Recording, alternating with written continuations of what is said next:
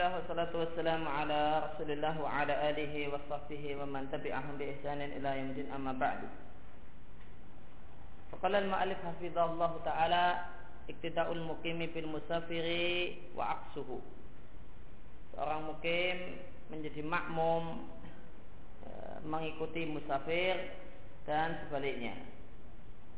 Dari Ibnu Umar radhiallahu anhu beliau mengatakan, "Shalla Umar fi ahli Makkah ad-dhuhra." Uh, Umar sholat. Uh, Sholabi menjadi imam penduduk Mekah. Sholat duhur. Fasalama fi raqatain maka Umar mengucapkan salam setelah dua rakaat. Karena dia musafir, dia tinggal di Madinah. Semakal Umar, uh, Umar radhiallahu anhu berkata kepada penduduk Mekah, "Atimu salatakum ya ahla Makkah." Hendaklah kalian uh, genapkanlah salat kalian wahai penduduk Mekah, janganlah kalian kosor. Fa inna qaumun karena kami adalah orang-orang yang bepergian. Maka hadis ini dalil menunjukkan bahasanya seorang mukim boleh bermakmum pada musafir. Sehingga musafir sholatnya dua rakaat karena kotor, sedangkan mukim tetap menambah dua rakaat setelah imam salat.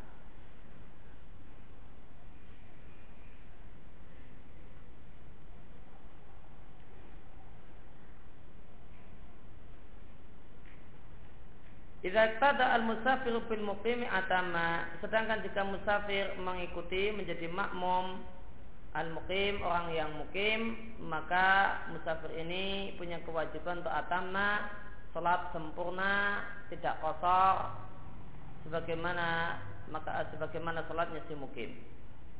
Dari Musa bin Salama al uh, al Hudali, kal saat Ibnu Abbasin. Aku bertanya kepada Ibnu Abbas, Bagaimanakah cara aku sholat jika aku di Mekah di dalam usalim al imam jika aku tidak sholat bersama imam alias sholat sendirian. Fakal maka Abbas mengatakan rokaatain dua rokaat dan adalah sunnah Abdul Qasim itu Muhammad Sallallahu Alaihi Wasallam. Maka jika musafir tidak bermakmum dengan mukim maka yang sesuai dengan sunnah musafir adalah kotor dan tidak tamam. Kemudian dari Abi Mijlas kal aku bertanya kepada Ibnu Umar al musafir ada seorang musafir yudriku yang menjumpai dua rakaat bersama salatul kaum salatnya orang-orang yang mukim yakni mukimin. Atujzihi arakatani Apakah cukup bagi si musafir ini dua rakaat Ataukah dia sholat sebagaimana sholat para mukim Yaitu empat rakaat Fadhahika maka Ibnu Umar tertawa dan mengatakan Yusalli bi sholatihim Sholat sebagaimana sholatnya mukim. Maka musafir datang ke masjid e, kemudian masbuk dapat dua rakaat. Maka dia tidak boleh salam bersama imam namun dia harus menambah dua rakaat lagi sehingga sholatnya sebagaimana sholatnya imam yang mukim.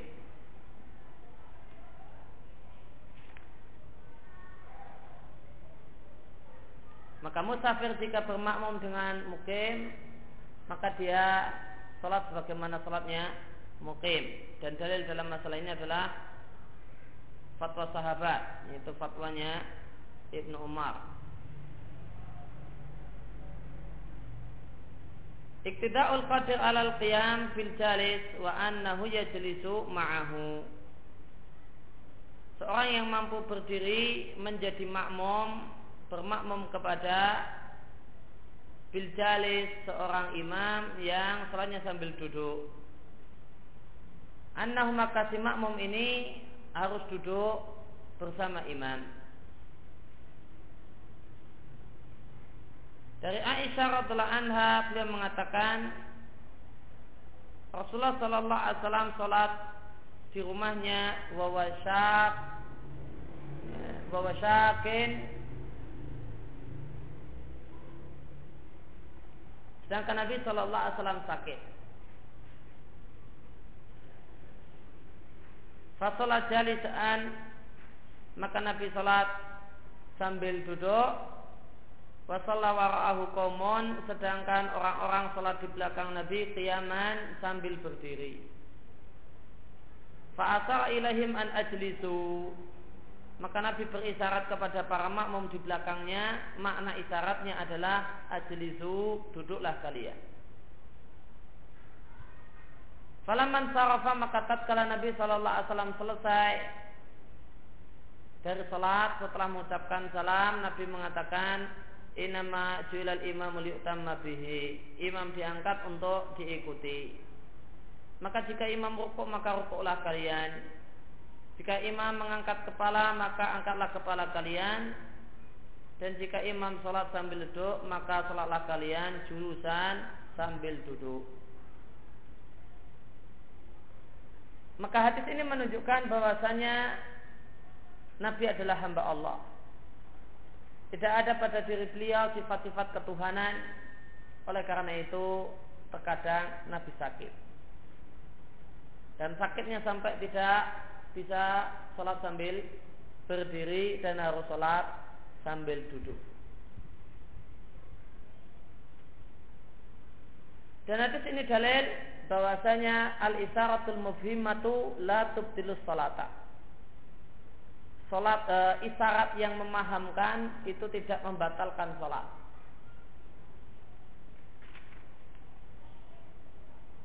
Nabi berisyarat ya, kepada para makmumnya di belakang dan para dan orang yang melihat isyarat Nabi faham bahasanya makna isyarat adalah duduklah kalian. Maka isyarat yang memahamkan yang bisa dipahami oleh orang yang diberi isyarat apa maksudnya itu tidak membatalkan sholat.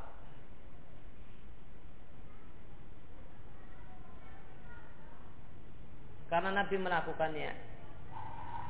Maka ini menunjukkan bolehnya. Dan hadis ini menunjukkan bolehnya bergerak melakukan gerakan di luar gerakan sholat karena kebutuhan. Maka Nabi bersyarat mungkin dengan tangan ya, mengisahkan suruh duduk. Maka ini gerakan di luar gerakan sholat dan ini dibolehkan nah, hukumnya jadi mubah hukumnya makro dan jadi mubah jika ada kebutuhan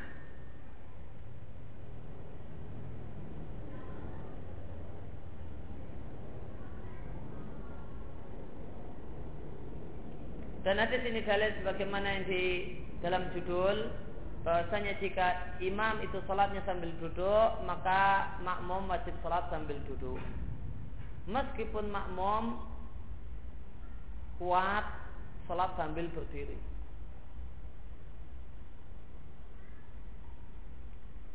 Dan nanti sini menunjukkan bahwasanya imam diangkat untuk diikuti dan yang dimaksud mengikuti imam adalah mengikuti imam dalam perbuatan-perbuatan yang nampak. Oleh karena itu Nabi contohkan, jika imam rukuk maka rukuklah kalian. Jika imam bangkit dari rukuk maka bangkitlah rukuk kalian. Hendaklah kalian bangkit dari rukuk.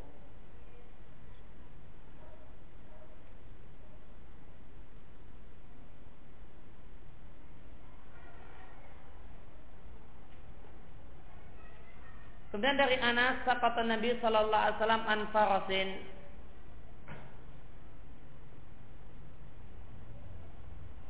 Nabi Shallallahu Alaihi Wasallam terjatuh dari kuda. Fa juhisha sikuhul aimanu maka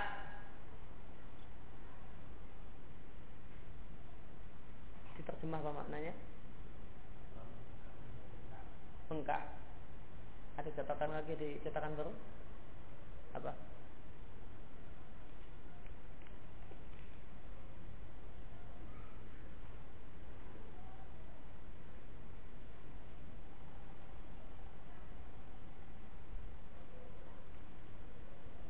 Fajuhisha maknanya uh, yusibul kal khodas fayansadihu minhu jilduhu maka lecatlah kulitnya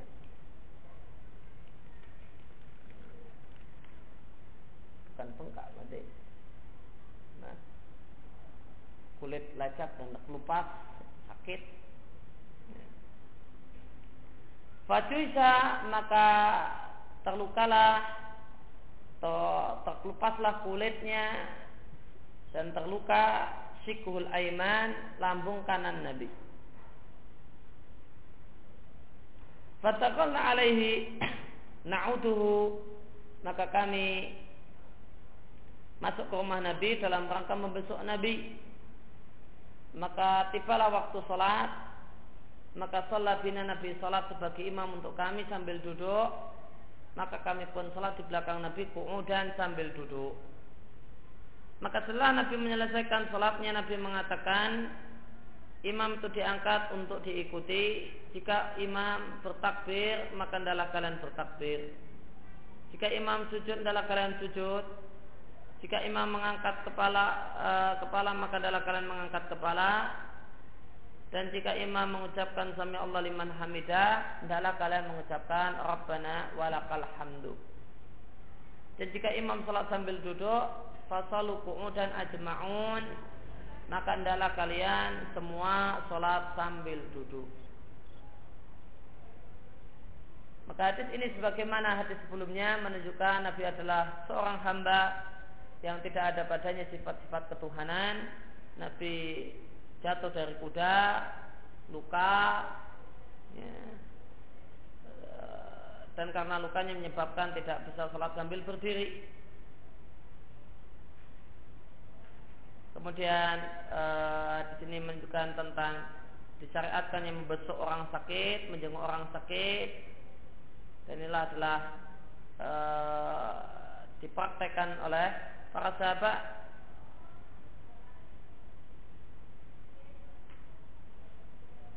Kemudian al-ma'mumul wahidu yakumu an yaminil imami bihidaihi sawain. Makmum jika cuma satu orang maka berdiri di sebelah kanan imam bihidaihi lus dengan imam sawain sama dengan imam.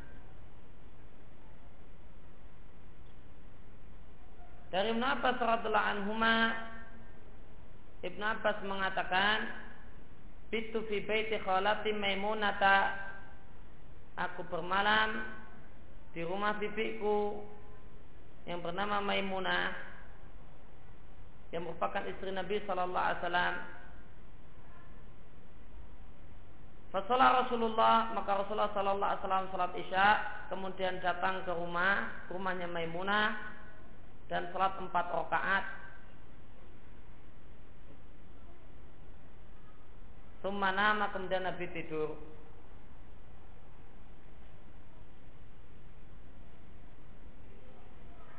Maka zahir hadis ini menunjukkan bahasanya Ba'diyah Isya bisa empat rakaat. Ba'diyah Isya bisa empat rakaat. Setelah selesai sholat Isya, Nabi sholat Ba'diyah Isya di rumahnya Maimunah karena ketika itu adalah malam gilirannya Maimunah. Nabi sholat sebanyak empat rakaat. Sumana kemudian Nabi tidur. Ya. Maka di, uh, maka yang Nabi ajarkan adalah tidur di awal malam, namun untuk bangun di akhir malam. Suma koma kemudian Nabi bangun Faji itu maka aku juga ikut bangun datang fakum tu an yasarihi maka aku berdiri di sebelah kiri imam, kiri Nabi, alani an yaminihi, maka Nabi letakkan aku di sebelah kanannya.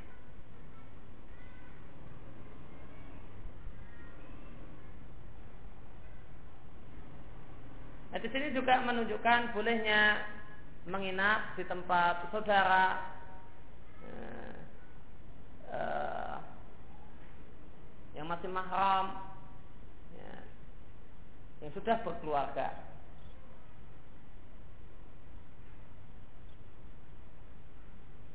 Dan di sini dalil bolehnya salat tahajud berjamaah di rumah. Karena Ibn Abbas di sini salat tahajud berjamaah bersama Nabi Shallallahu Alaihi Wasallam. Dan di sini juga menunjukkan sebagaimana judul ya, jika makmum itu cuma satu maka letaknya di sebelah kanan imam.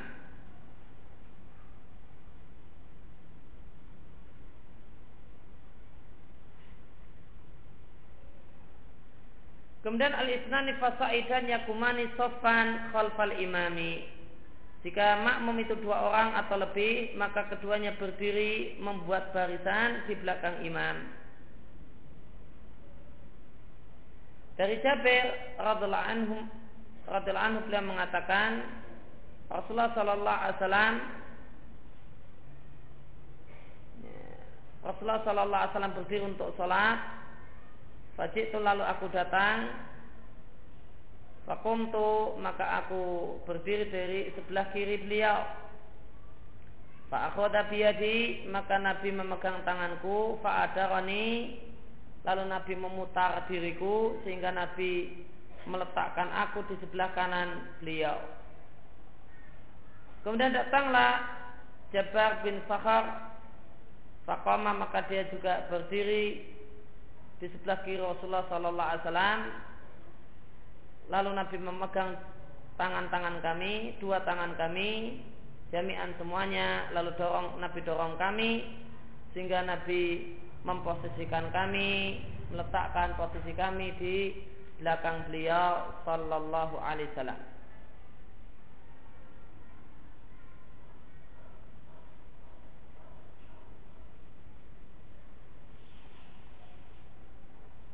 Maka hadis ini menunjukkan sebagaimana judul uh, judul jika makmum itu dua orang maka posisinya di belakang imam.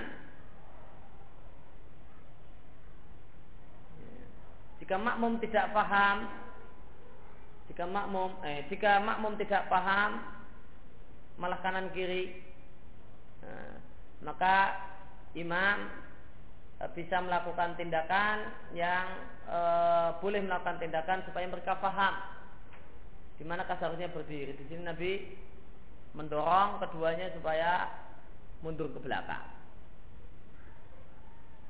Maka di sini menunjukkan bolehnya gerakan di luar gerakan salat dalam rangka kebutuhan. Nabi memutar Jabir dari kiri ke kanan, kemudian juga Nabi mendorong Jabir dengan sahabat yang lain untuk ke belakang. Dan ini adalah bukan gerakan sholat. Hadis ini demi hadis Jabir ini demikian juga hadis Ibnu Abbas sebelumnya dalil menunjukkan bahasanya orang yang sholat sendirian itu bisa dijadikan sebagai imam. Nabi pertama kali sholat di hadis Ibnu Abbas, Nabi pertama kali sholat malam sendirian. Lalu datanglah Ibnu Abbas mengangkat Nabi jadi imam. Maka dua sisi dalil bolehnya uh, seorang yang sholat itu uh, mengubah niat dari niat sholat sendirian berubah jadi uh, menjadi imam ya Demikian juga di hadis Jabir, Nabi sholat sendirian, kemudian datanglah Jabir.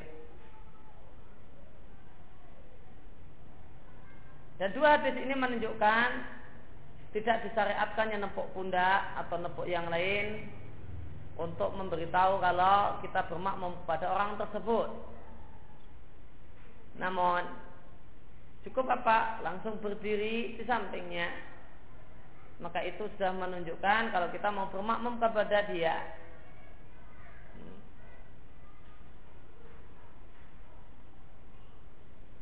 Maka apa yang dilakukan oleh banyak orang nepuk ya, atau e, semisal itu nepuk pundak atau yang lain e, sebagai isyarat kalau kamu tak angkat jadi imam adalah satu amal yang tidak berdalil.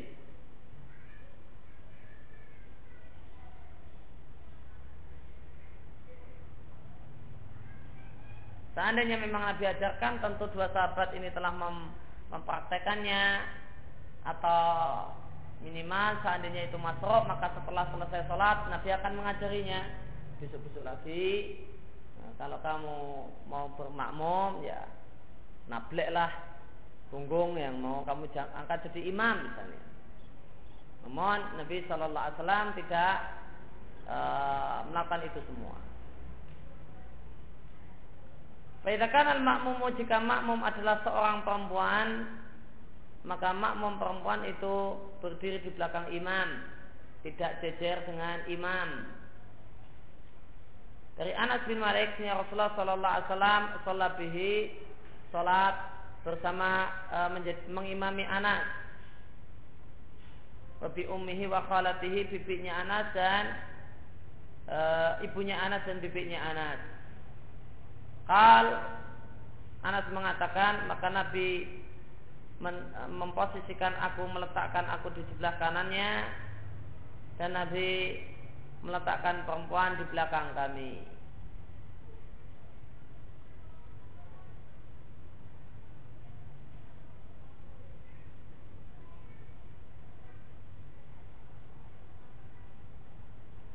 Kemudian wujud taswiyati sufufi wajibnya meluruskan saf.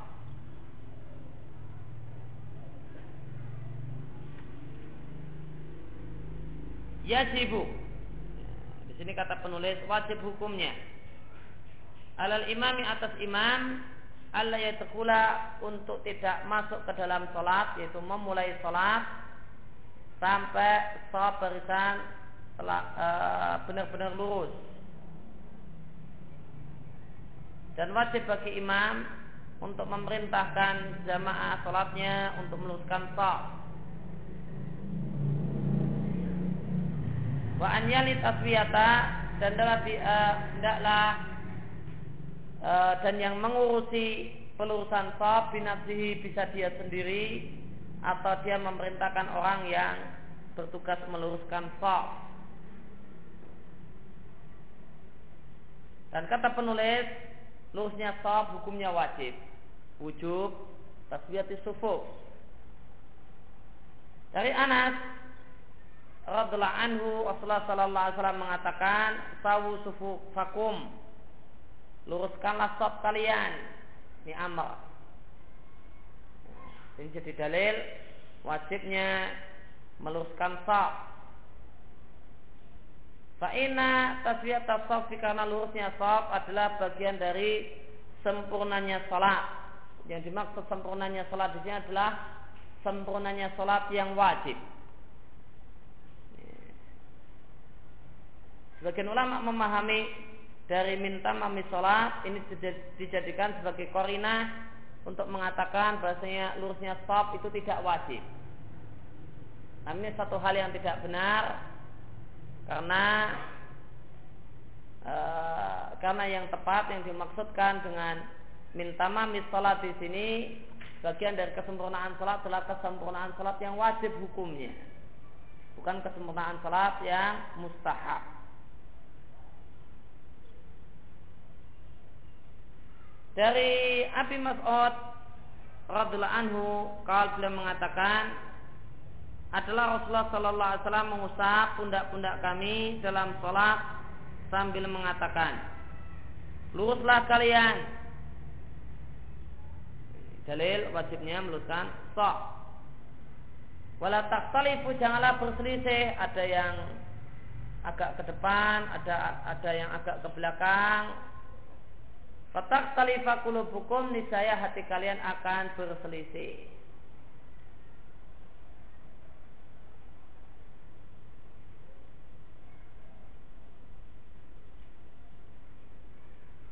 Maka hadis ini dalil bahwasanya keadaan lahiriah itu mempengaruhi keadaan batiniah.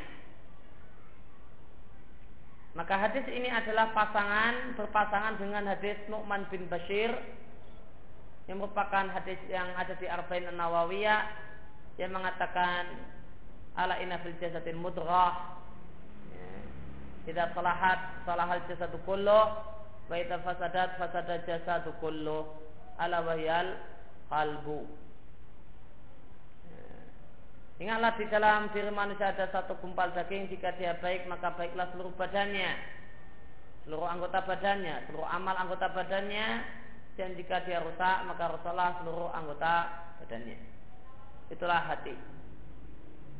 Maka hadis Nu'man bin Basir ini Galil menunjukkan bahwasanya Keadaan hati berdampak kepada keadaan batin Berdampak pada keadaan lahiriah. Sedangkan hadis Abi Mas'ud yang baru saja kita baca adalah dalil bahasanya keadaan lahiriah berdampak pada keadaan hati atau keadaan batiniah. Nah, dikatakan jika kaki kalian berselisih, ada yang ada yang maju, ada yang agak mundur, nggak lurus, maka hati kalian niscaya akan berselisih. Maka keadaan lahiriah memiliki dampak pada keadaan batin.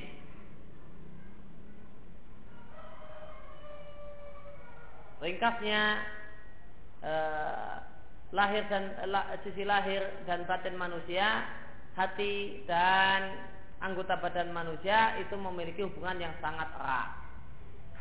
Keadaan batin berdampak ke lahir, keadaan lahir berdampak ke batin.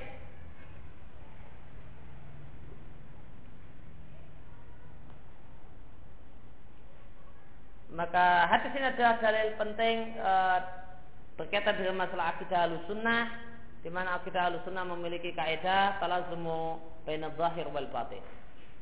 Adanya hubungan yang erat, sangat erat antara lahiriah, sisi lahir dan sisi batin. Maka jika di hati ada iman, maka harus ada amal. Jika tidak ada amal, bukti tidak ada iman di dalam hati. Kemudian dari An-Nu'man bin Bashir, beliau mengatakan Rasulullah sallallahu alaihi wasallam meluruskan sop-sop kami. Ka'anna masa akan-akan yusawa biha al-qidaha atau yusawi biha al-qidaha. Nabi meluruskan al-qidaha anak panah. Lihat catatan kaki kidah, kofnya di kasrah, maknanya adalah kayu anak panah.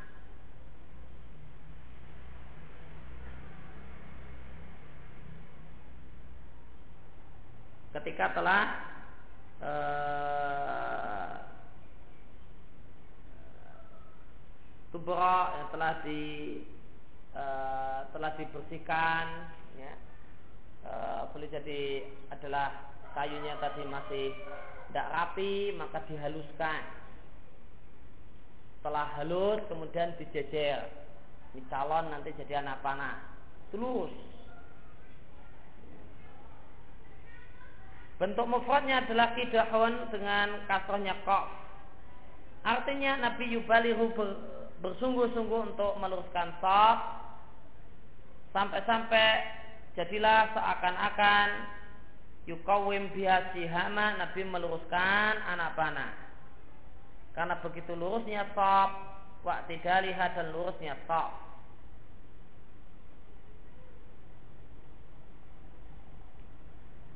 Hatta ro'at sehingga Nabi melihat bahasanya, bahasanya kami telah paham apa keinginan Nabi yaitu lurusnya sok.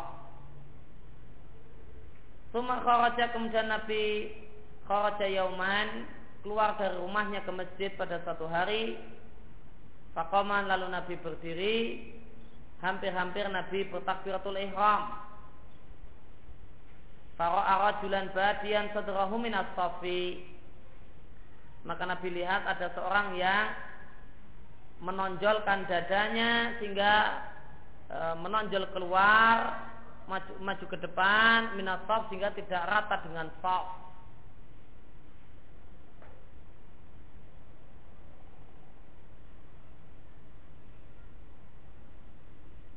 Maka Nabi mengatakan ibadallahi membuang harfu nida. Ibadallahi wa hamba-hamba Allah Sungguh hendaklah kalian luruskan sop-sop kalian. Au. Au di sini bermana illa. Jika tidak, maka Allah Subhanahu wa taala akan membuat hati kalian berselisih. Yang dimaksud dengan wajah di sini adalah al-qalb sebagaimana dalam uh, hadis yang lain. Bagaimana dalam hadis sebelumnya. Jika tidak maka Allah akan membuat hati kalian berselisih. Maka hadis ini dalil bahasanya yang dimaksud ratanya stop itu bukan hanya ratanya kaki. Namun ratanya pundak. Termasuk lurusnya stop itu bukan hanya kaki yang rata namun pundak yang rata. Maka pundak bertemu dengan pundak sehingga dada rata. Kalau ini orangnya sama maka dadanya rata, tidak ada yang maju. Maka kaki sama akan tapi ada yang dadanya maju maka ini Nabi nilai sop yang tidak lurus. Maka hadis ini menunjukkan tidak benarnya sikap sebagian orang yang e, membuat sop terlalu overload. Membuat sop terlalu overload, terlalu penuh sehingga tidak rata. Pundak tidak rata. Maka karena sop itu tidak penuh maka bukan pundak bertemu dengan pundak, namun ada pundak yang maju, ya, dimajukan ke depan supaya bisa berada di sop itu. Maka di sini ini sop melenceng. Ini Nabi nilai sop melenceng. Meskipun kakinya lurus. Ketika ada bagian atas tubuh yang maju, semisal pundak yang maju, maka Nabi nilai ini belum lurus. Sehingga Nabi mengatakan la tasawunna sufufakum. Adalah kalian luruskan sop kalian. Padahal apa? Yang masalah dada. Bukan kaki. Maka anggapan banyak orang bahasanya lurusnya sop hanyalah sekedar lurusnya kaki adalah anggapan yang tidak benar. Ketika dada itu pundak dengan pundak tidak lurus juga Nabi sebut sop yang belum lurus. Ada yang agak maju, nggak rata dengan kiri kanannya, Nabi nilai ini bukanlah sop yang lurus sehingga Nabi masih katakan luruskan sop kalian.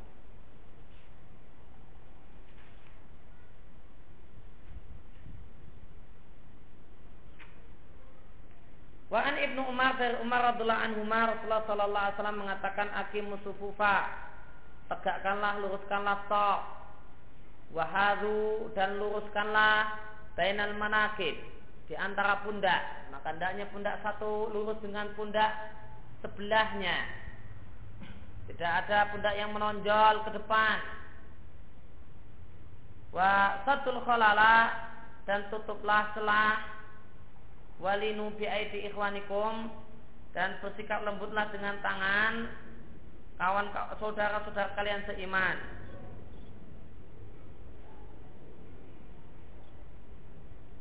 Wala tadaru janganlah biarkan furujatin uh, ada bagian yang masih uh, selah di syaitan untuk masuknya setan.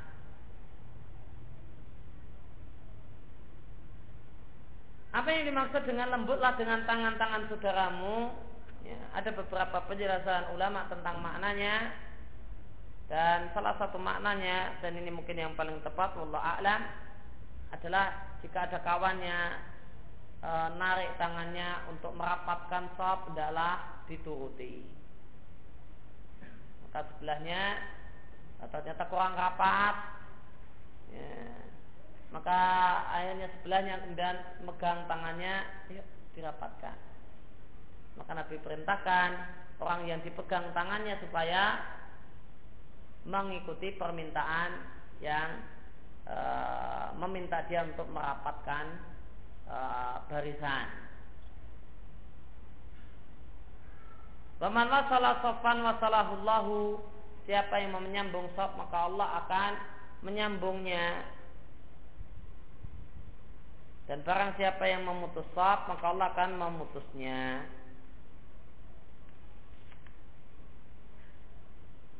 Maka di sini dalil al-jaza min jinsil amal.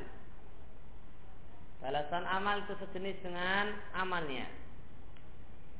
Dan dalam hadis ini terdapat uh, dua perbuatan Allah, dua sifat Allah. Menyambung orang yang menyambung saf dan memutus orang yang memutus saf. Apa yang dimaksud? Jawabannya ya tidak perlu ditakwil. Ya. Maka katakan sebagaimana apa adanya. Ya Allah menyambung uh, menyambung orang yang menyambung saf dan memutus orang yang memutus saf. Dan jika Allah menyambung orang yang menyambung sab, maka tentu Allah akan merahmatinya, mengampuninya dan atau hal-hal yang semakna dengan hal itu.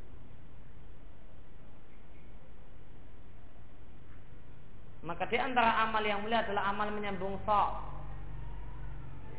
Sab yang putus disambung. Ya, karena ada yang keluar karena batal, maka kemudian dirapatkan, maka merapatkan diri dalam rangka menyambung sab. Maka adalah amal yang mulia. Dan di antara amal yang tercela adalah memutus sok.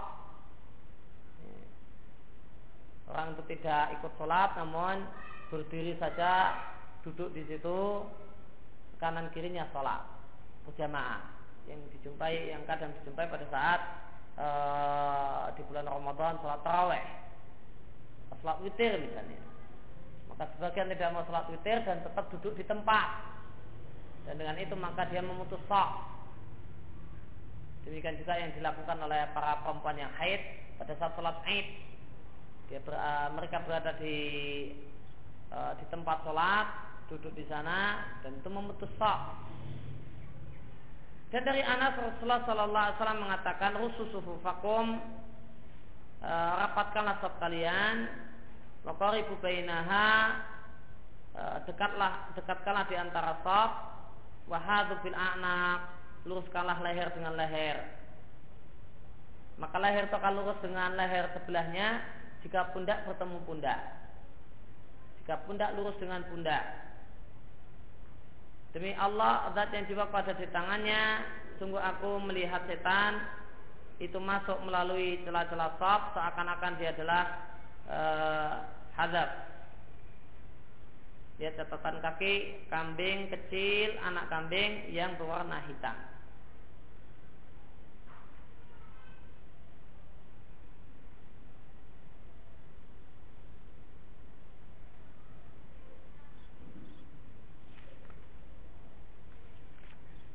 Kemudian bagaimana tata cara meluruskan sok dari Anas bin Malik radhiallahu anhu dari Nabi Shallallahu Alaihi Wasallam Nabi mengatakan luruskanlah saf kalian.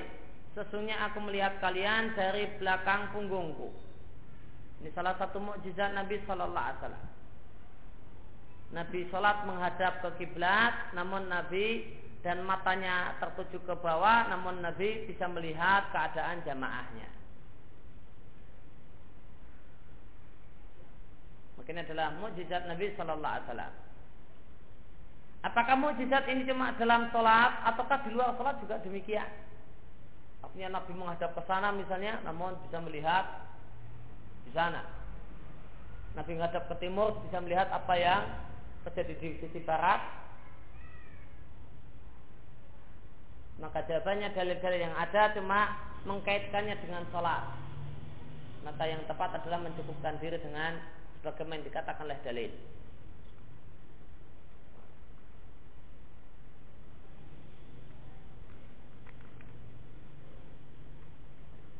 Kemudian wakana ahaduna maka salah satu dari kami menempelkan pundaknya dengan pundak kawannya. Maka pundak bertempel dengan pundak, bukan pundak maju. Maka jika pundak maju berarti sab tidak lurus. Sab lurus adalah pundak bertemu dengan pundak. Pundak menempel pundak. Bukan karena overload kemudian ada pundak yang maju. Kemudian eh,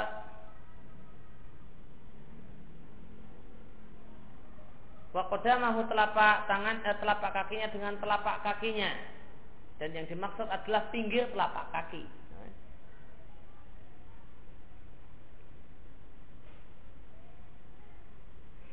Dan An-Nu'man bin Basir mengatakan dan aku melihat seorang di antara kami uh, menempelkan mata kakinya dengan mata kaki kawannya.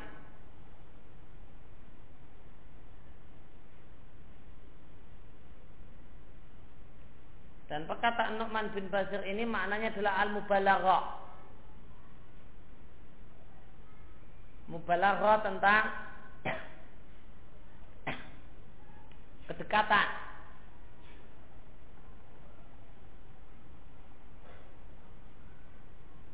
Bukan makna senyatanya. Karena menempelkan mata kaki ke mata kaki kawannya itu satu hal yang sulit. Realita menunjukkan itu sulit.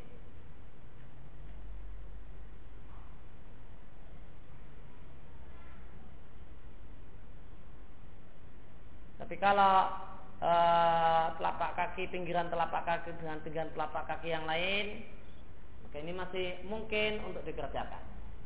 Namun kalau mata kaki ke mata kaki, satu hal yang realita menunjukkan ini satu hal yang sangat-sangat sulit. Oleh karena itu uh, uh, sebagian ulama semacam Ibnu, Hajar mengatakan ini adalah ungkapan hiperbol.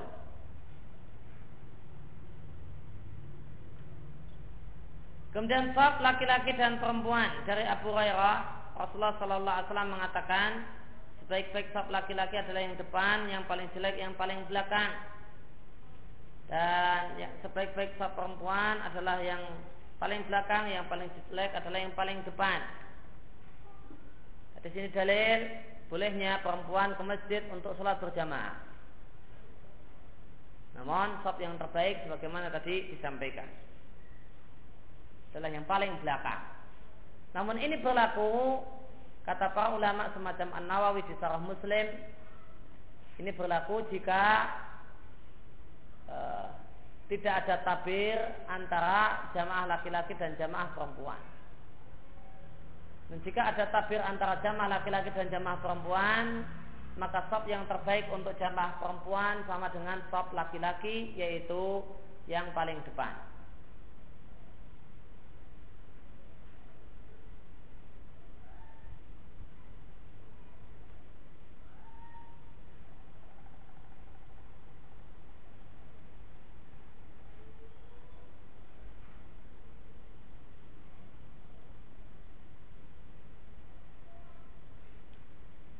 Kemudian keutamaan e, berada di sop yang depan dan berada di sebelah kanan sop. Dari Al-Bara bin Azib beliau mengatakan Rasulullah Sallallahu Alaihi Wasallam mengatakan Ya Allah dan para malaikat berselawat kepada orang-orang yang berada di sop depan. Dan wa'anhu dari para radhiallahu anhu beliau mengatakan kunna kami para sahabat jika kami sholat di belakang Rasulullah Sallallahu Alaihi Wasallam, maka kami ingin supaya kami berada di sebelah kanan Nabi. Yuk bilu alai Nabi wajihi Nabi menghadapkan wajahnya kepada kami. Kemudian Barak mengatakan Aku mendengar Nabi berdoa Rabbi qini adabaka yawma taba'atu ibadaka Wahai Rabbku jagalah aku dari siksamu pada hari engkau membangkitkan hamba-hambamu.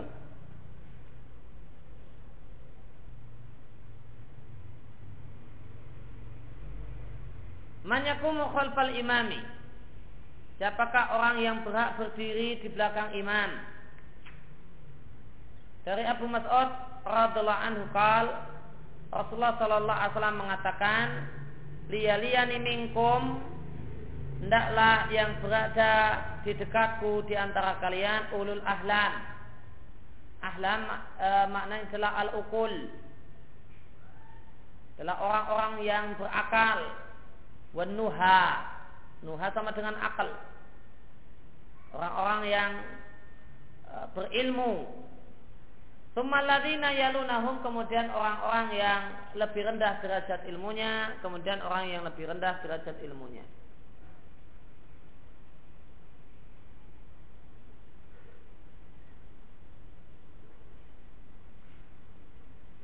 Kemudian karahatu sab bainas sawari. Makruhnya membuat sab di antara tiang. Sawari jamak dari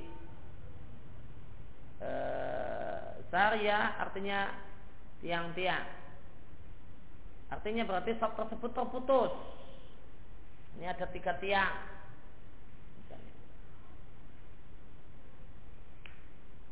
Maka dari judul ini pertama terputusnya sop hukumnya makruh tidak haram. Penulis mengatakan karohatus sofi makruh tidak haram. Sebagian orang berlebihan dalam masalah ini dan menyikapi masalah ini seakan-akan barang haram.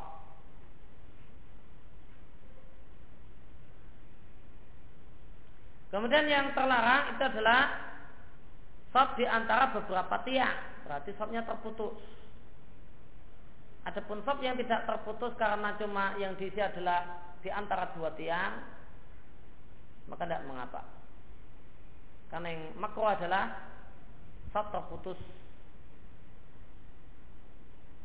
Misalnya ada tiga tiang, maka terputus. Dan jika itu cuma dua tiang kemudian diisi, ya cuma isinya cuma di antara itu, ya tidak mengapa di situ. Misalnya sop ketiga sudah sop satu dua sudah penuh, kemudian datanglah orang ketiga, kemudian membuat sop di antara dua tiang. Sop tidak terputus oleh dia, maka tidak mengapa. Wah, ya, dari Muawiyah bin Qurah dari ayahnya Qurah yaitu Qurah Qurah mengatakan kami dilarang untuk membuat sop di antara beberapa tiang di masa Rasulullah Sallallahu Alaihi Wasallam dan kami dijauhkan dari tiang-tiang tersebut tordan dengan benar-benar dijauhkan. Namun ketentuan ini hukum makro ini hanya berlaku untuk salat berjamaah. Adapun orang yang salat sendirian di antara dua tiang, pada ba'sa bi salati maka salatnya tidak mengapa. Maka tidaklah mengapa salat di antara dua tiang dengan catatan adalah dia pakai sutroh di depannya. Dari Ibnu Umar radhiallahu anhu beliau mengatakan Nabi Shallallahu Alaihi Wasallam masuk ke dalam Ka'bah. Demikian juga bersama Nabi Usama bin Zaid dan Utsman bin Talha dan Bilal. Fa'atola Nabi lama di dalam Ka'bah, kemudian Nabi keluar.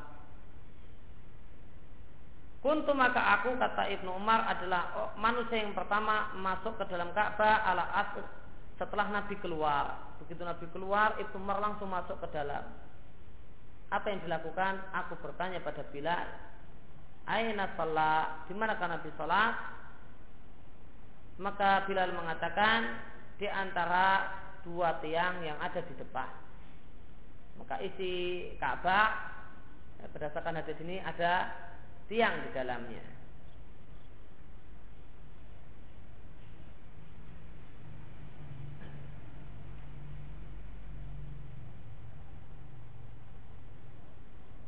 Kemudian al-a'dzar fitakil jamaati udur-udur yang diterima, alasan yang diterima untuk tidak sholat berjamaah. Al-bardu wal mataru. Yang pertama adalah sangat dingin atau hujan yang menyusahkan untuk ke masjid atau sangat dingin yang menyusahkan untuk ke masjid.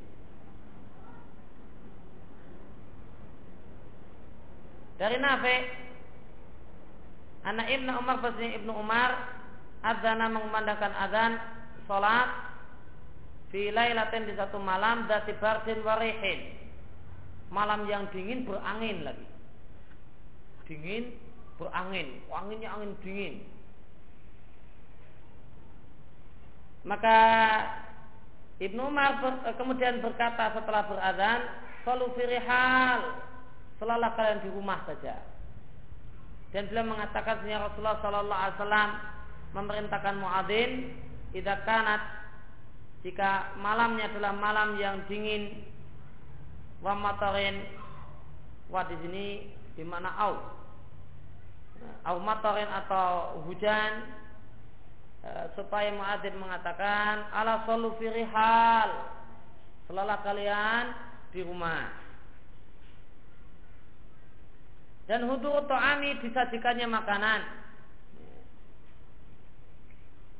Tersajikannya makanan dalam keadaan padahal kita sangat ingin makan karena sangat lapar. Sebagaimana telah kita uh, singgung di depan, bahasa ini tidak berlaku untuk semua uh, terse, uh, tersa, tersedianya makanan, tersajikannya makanan.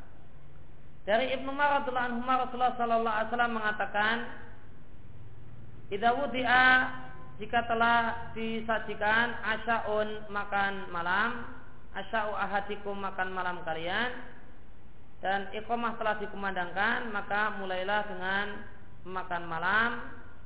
Janganlah kalian tergesa-gesa sampai selesai makan malam. Ingat ini berlaku untuk orang yang sangat membutuhkan makan karena sangat lapar dan sangat menginginkannya. Demikian juga makanannya sudah siap disantap dan bukan makanan yang masih panas yang juga masih menunggu dingin. Wakana Ibnu Umar dan adalah prakteknya Ibnu Umar telah disediakan untuknya makanan waktu kamu sholat dan sholat telah dikomai maka Ibnu Umar tidaklah datang ke masjid sampai selesai makan Wa inna dan sesungguhnya Ibnu Umar sungguh dia mendengar bacaan imam ya, bacaan imam. Rumahnya tidak jauh dari masjid. Meskipun uh, dia dengar bacaan imam artinya sudah baca Al-Fatihah atau bahkan surat, Ibnu Umar masih meneruskan makan sampai selesai. Kemudian menahan dua hal yang jelek yaitu kencing atau pirak. Dari Aisyah Aisyah mengatakan aku mendengar Rasulullah Sallallahu Alaihi bersabda tidak ada salat bihat roti to'am ketika makanan sudah disajikan tidak pula mencegah dua hal yang jelek yaitu berak dan kencing.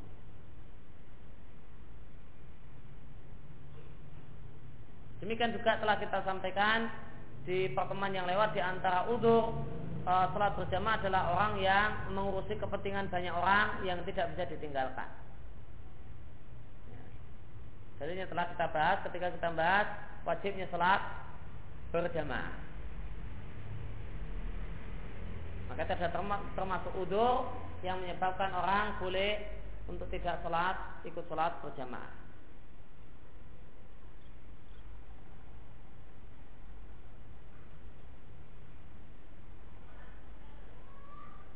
Demikian yang kita bahas pada sore hari ini. Wassalamualaikum ala nabiyina Muhammadin wa ala alhamdulillahi rabbil alamin. Subhanakallahumma bihamdika asyhadu an la ilaha illa anta astaghfiruka wa atubu ilaik.